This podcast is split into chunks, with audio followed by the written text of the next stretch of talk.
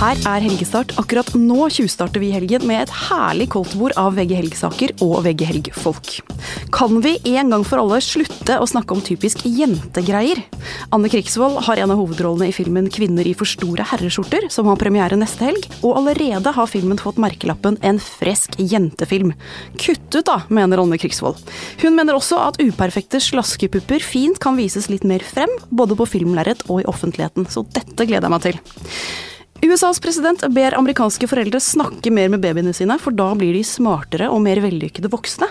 Er det på tide å gjøre grep for å høyne IQ-en hos norske barn? Og slutt å syte. Det har Camilla Berg-Hansen, reporter i VG Helg, lært av to særs sterke folk denne uka. Vi skal finne ut hvordan livet blir bedre om vi blir litt mindre klagete. Anne Krigsvold, for et par dager siden så visste ikke du hva en podkast var. Nei. Og nå er du gjest igjen. Velkommen. Tusen takk.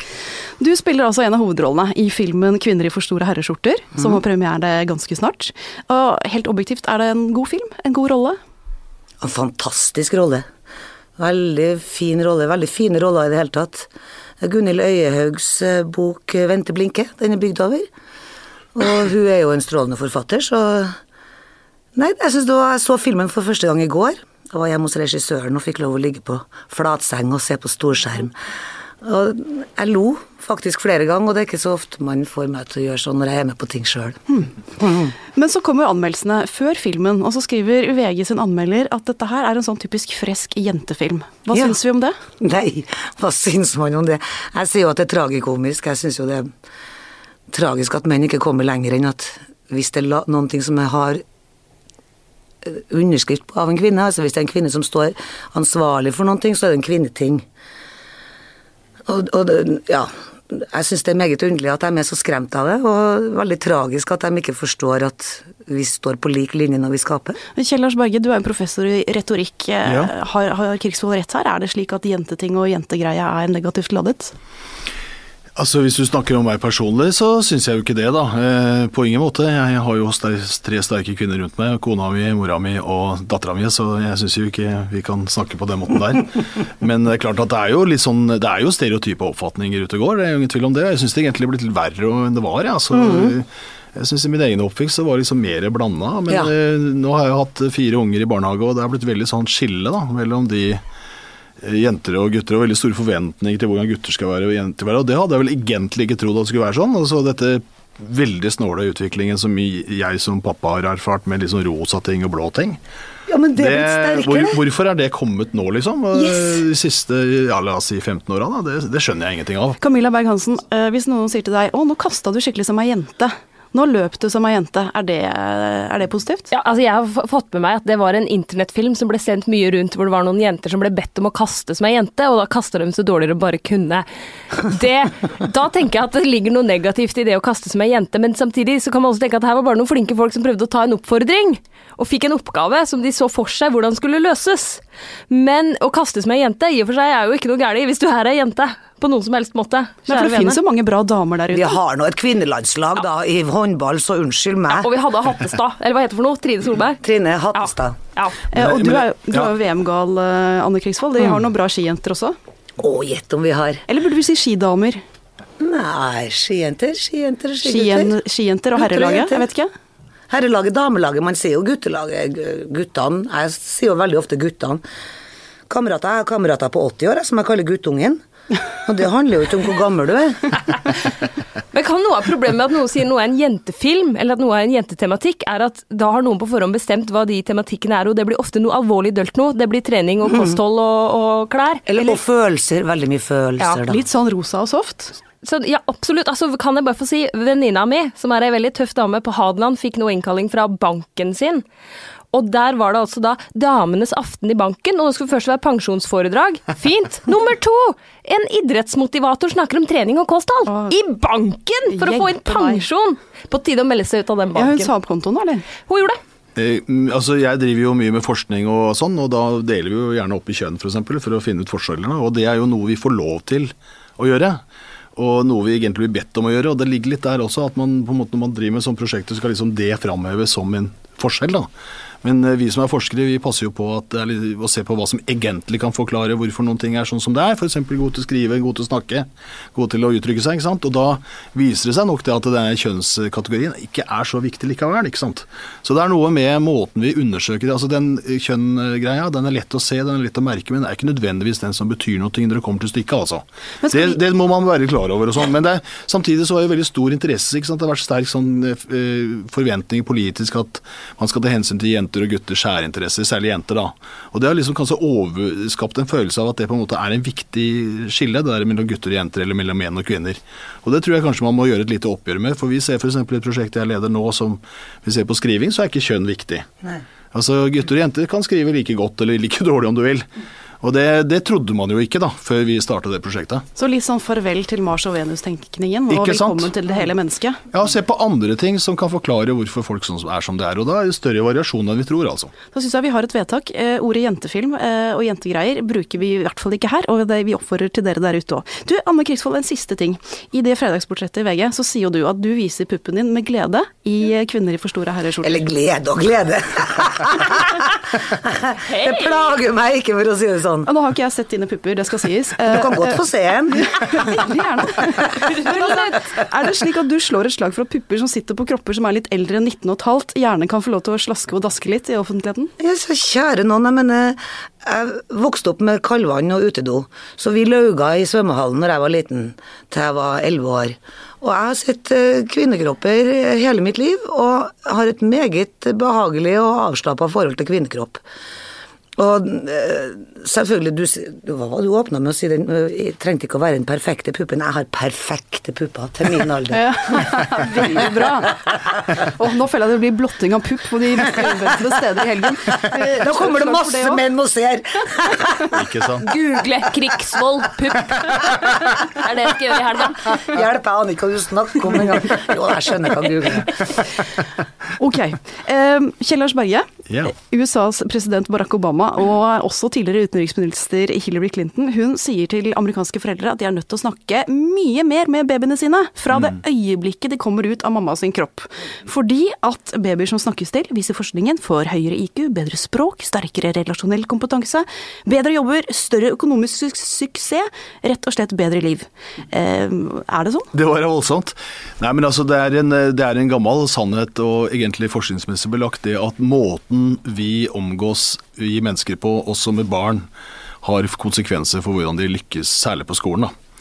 Så det, det var en eh, berømt engelskmann, professor som heter Basil Bernstein, som hadde denne tanken om det som hun kalte utvidet og begrenset kode.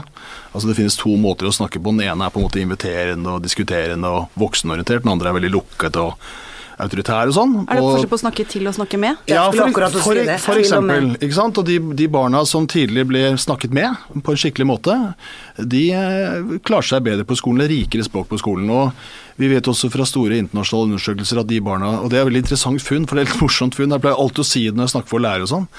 Og for så vidt også foreldre, at eh, de barna som er vant med å bli tatt på alvor og snakke mye hjemme, de utvikler godt språk. Og i en stor undersøkelse som er gjort eh, for på 80-tallet, så, så massevis av sånne variabler som er lagt inn, så var det én faktor som predikerte veldig mye, og det var om de spiste middag sammen. For når man, snakker, når man spiser middag sammen, da treffes voksne og barn, og da kan man snakke om liksom ting som er litt vanskelig og, krevende, og barna på en måte får komme til ordet og, og drive det sånn.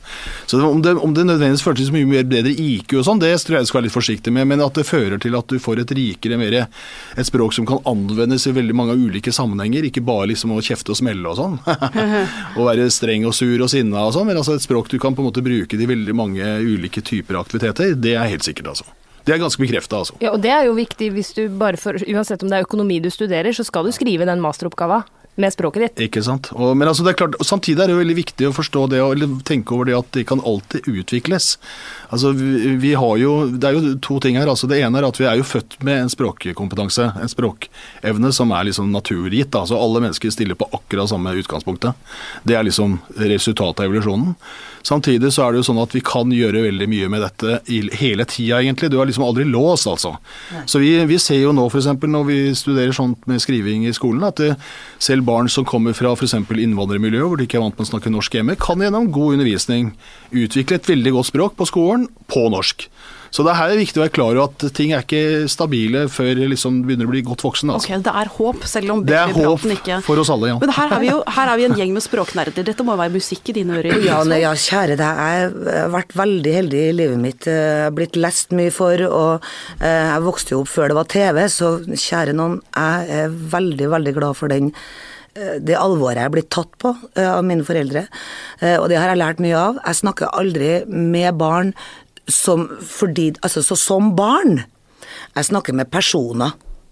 Det er, det er helt egne individer du møter.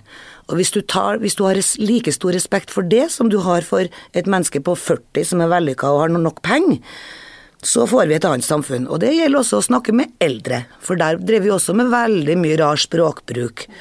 Hvordan har vi det i dag? Altså alt det der tøvet. Man går tilbake. Vi vet jo at ting går i sirkler, og vi vet at det eneste som er sikkert i verden, er forandring. Det er det eneste vi kan stole på. Så sånn nutti plutti putt, lille venn, hvordan, hvordan går det der Ja. på gulvet? Det er ikke tonen vi skal ta til Nei. Jo, men du kan godt snakke med mild stemme. Men du trenger like nakketann. Nei, du ikke innprente feil. Camilla Berg-Hansen, du har jo faktisk en baby inni den magen der. Ja. ja, jeg er stolt. Har du begynt å snakke til den? Ja, i høyeste grad. Skravle, skravle. Nå er ikke det noe nytt i min verden, altså. Men, men jeg har faktisk introdusert bar barnefaren, og han tar det her veldig på alvor. Jeg har fortalt om det som vi skriver om i VG Elg på lørdag, da, at snakk med babyen din, så blir den mye smartere.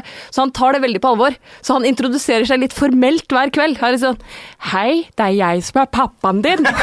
Ja, men så fint. Ja, tar det veldig på alvor. Men du vet også det at, at eh, du skal, hvis du synger til barnet ditt i maven Du har en eller to sanger som du synger jevnlig. Så når den babyen er født, så vil den roe seg veldig mye raskere hvis du synger den samme sangen. Så musikk, musikk, musikk. Men har du noe å anbefale? En barnesang? Byssan lull, du kan synge bæ, bæ, lille lam. Det samme søkken hva det er for noen ting. Bare det er gjenkjennbart. Men dere, jeg har jo jeg har to barn, to sneiper. Jeg har jo vært på en del sånn helsestasjonbesøk opp gjennom åra. Eh, og også vært på en del sånn mammaforum på nett. Jeg må innrømme det. eh, og eh, Ja, det er jo for meg. Jeg blir livredd. min skarpe analyse da, er at både de som gir råd til foreldre, og foreldre selv, eh, de er jo veldig opptatt av sånne ting som ammeteknikk og økologiske grønnsaksmoser og vaskeservietter med og uten tilsetningsstoffer og sånne ting. Men hvordan man skal kickstarte et barns hjerne eller språkferdighet, det er det jo ingen som snakker om. Men eh, der kan jeg, altså en av de mest interessante studiene som er skrevet om barns språkutvikling noen gang, noensinne, kanskje alltid, for alltid, den er skrevet av en eh, britisk eh, professor i lingvistikk som heter Michael Halliday, som nå jobber i Australia.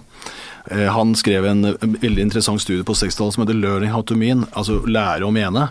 Og det handler om han, eh, sønnen hans og kona, altså Rukaya heter hun. Hun er også veldig kjent og har drevet mye med dette. Rukaya Hassan, hun- pakistansk bakgrunn studerte sin sønn Nigel, han kalte han Nigel da, og fra han var bitte liten og satt og pludra, og så fulgte han opp gjennom hvordan han utvikla seg. Og da er det ikke, er det ikke språk som sådan, liksom, det er liksom det å altså meninga, det betydningen av ting, som er på en måte det involverende. Sånn at barnet liksom lærer seg på en måte å utvide territoriet sitt hele tida gjennom språket.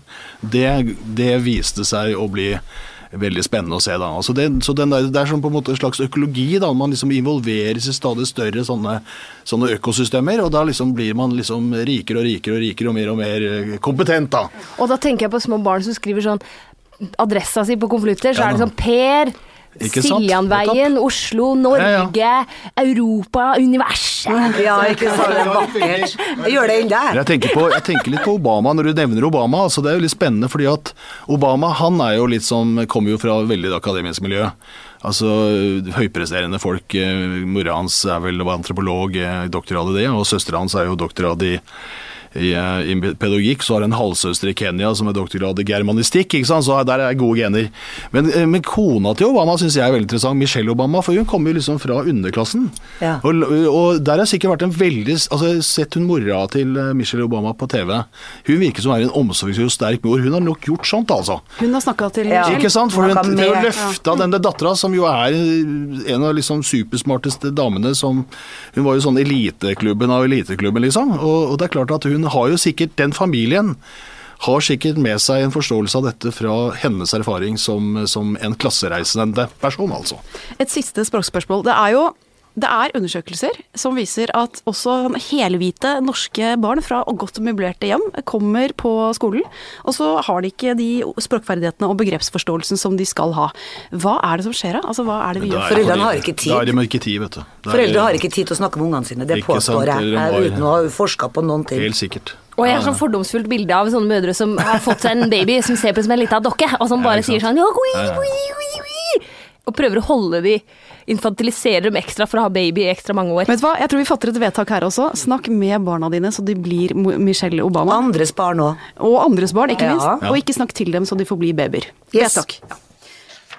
Camilla Berg-Hansen, nå er podkastluften din. Um, Du har jo laget en hovedsak i VG Helg hvor du har møtt to veldig sterke personer. Åh, jeg er heldig, er jeg. Anne Grete Solberg som ble skutt av eksmannen sin og går rundt med 300 hagl i kroppen og én arm for lite. Og politimannen Håkon Gisholt som ble blind i voksen alder. Dette er folk som har opplevd kjipe ting, men så er de like blide. Jeg vil ikke bare kalle det kjipt engang. Jeg vil si at når du er politimann og så vidt har rukket å komme i gang med tjenesten din, skal ut og fange tyver, og så oppdager du at noe er galt og får beskjed at uh, nå blir du blind snart.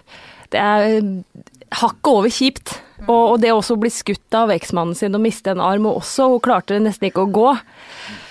Det er sånne ting jeg tenker tar så luven fra oss, og som ville fått mange av oss til å gå så i kjelleren. Og det er derfor eh, jeg har skrevet den artikkelen her, vært så heldig å få intervjue begge disse to menneskene. For spørsmålet er da, hva er det som gjør at når noen mennesker sjøl møter på en sånn utfordring og en sånn vanskelighet, så sier de allikevel kort etterpå opp igjen, opp og stå. Hva skal jeg gjøre nå for å få det beste ut av livet mitt? Ikke gå helt ned, men bare kjempe videre. Hvorfor er noen sånn? Hvordan klarer noen det? Mens andre av oss bare Jeg rota bort minibankkortet mitt, sett meg ned, nå er dagen ødelagt. Skjønner du? Jo, men alt er jo relativt. Ethvert problem er relativt. Ja. Det er det jo, men kjære noen har en fantastisk evne til å stå han av, er ikke det? Ja, vi står han av. Men hva er det du har funnet ut av? Altså, hva, hva er resultatet av dine grundige undersøkelser nå? Altså, de grundige undersøkelsene i form av å snakke med både Anne Grete Solberg da, og Håkon Gisholt, øh, det var at begge to øh, legger veldig vekt på at de nok har en stor glede i utfordringer i seg sjøl, og alltid har tent på det å utfordre seg. De, de vil sjøl si at de alltid likt å løse et problem, komme seg av gårde, og da har du jo den treninga. Men så har jeg snakka med en som heter Oddgeir Friborg, som er professor i psykologi ved Universitetet i Tromsø. Og han er en av få forskere som har sett på det her, da, altså en form for resiliens, evnen til å stå han av, sier han også, Ja. selvfølgelig oppe i Tromsø. Og han sier jo at dette her er eh, nettopp der, ja, det viktigste. Forklaringa er forhistorien din. Har du stått noe av før? Har du opplevd et tap? Har du vært gjennom noe? Vi er rett og slett nede på så god gammeldags folkekunnskap. Vi er tilbake i steinhula vår og sier motgang gir styrke. Men vi, vi, men vi bruker jo språket litt uh, utrolig, og jeg sitter og hører på uh, altså alpin, for eksempel. Ja, ja.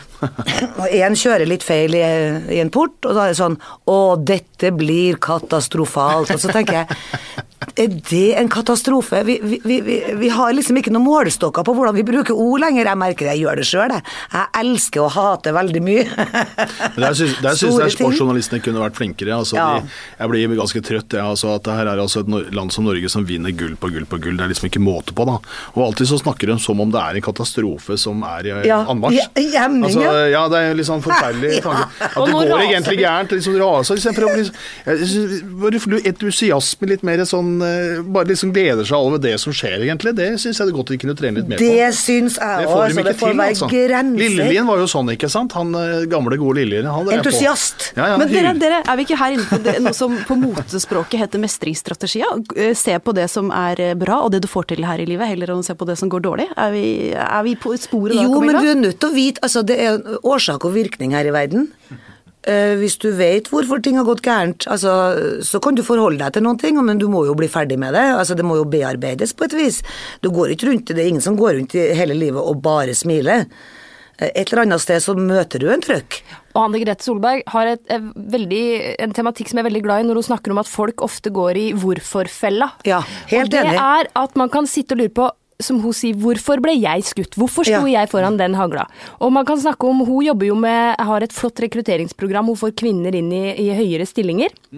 Og da sier hun at mange hun møter der, kvinner også, som sier de vil opp og fram, men så går de i hvorfor-fella og begynner Ja, men hvorfor har ikke jeg kjent mer, og hvorfor har ikke jeg fått muligheten, og hvorfor ser ikke sjefen meg, sier hun. Det kan Jeg, du, meg, og meg. Det kan, sier hun, du kan sitte og lure på hvorfor, årsaker, og grubler deg nedover i den spiralen i det uendelige, men Kommer du noen vei nødvendigvis? Nei. Slå i bordet og si heller greit, men her er jeg nå. Hvilke dører kan jeg gå ut og videre ut? Hvor skal jeg hen? Gjør noe Ja. med det. Se framover. Ja.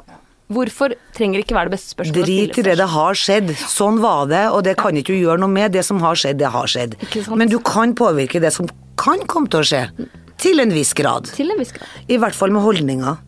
Vet du hva, Da tror jeg vi nærmer oss et vedtak der òg. Ingen flere hvorfor-spørsmål, litt mindre syting. Ja. Eh, Det har vært en ren fest å ha dere her, må jeg si, alle sammen. Jeg lurer også på om dere kan bidra med noen tips til helgen. Og Anne Krigsvold, jeg vet at du er VM-gal, klin kokos. Er det noe vi bare må se i helgen?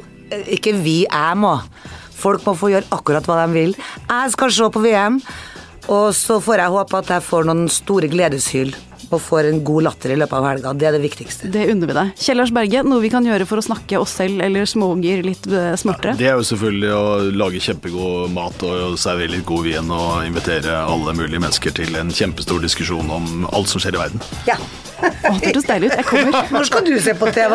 Men jeg skal, jeg skal altså se på TV, altså. Ja, du også. VM-feberen til stor irritasjon for min datter for øvrig, men det er en annen historie. Men kona mi er like gæren som meg, altså, så det går.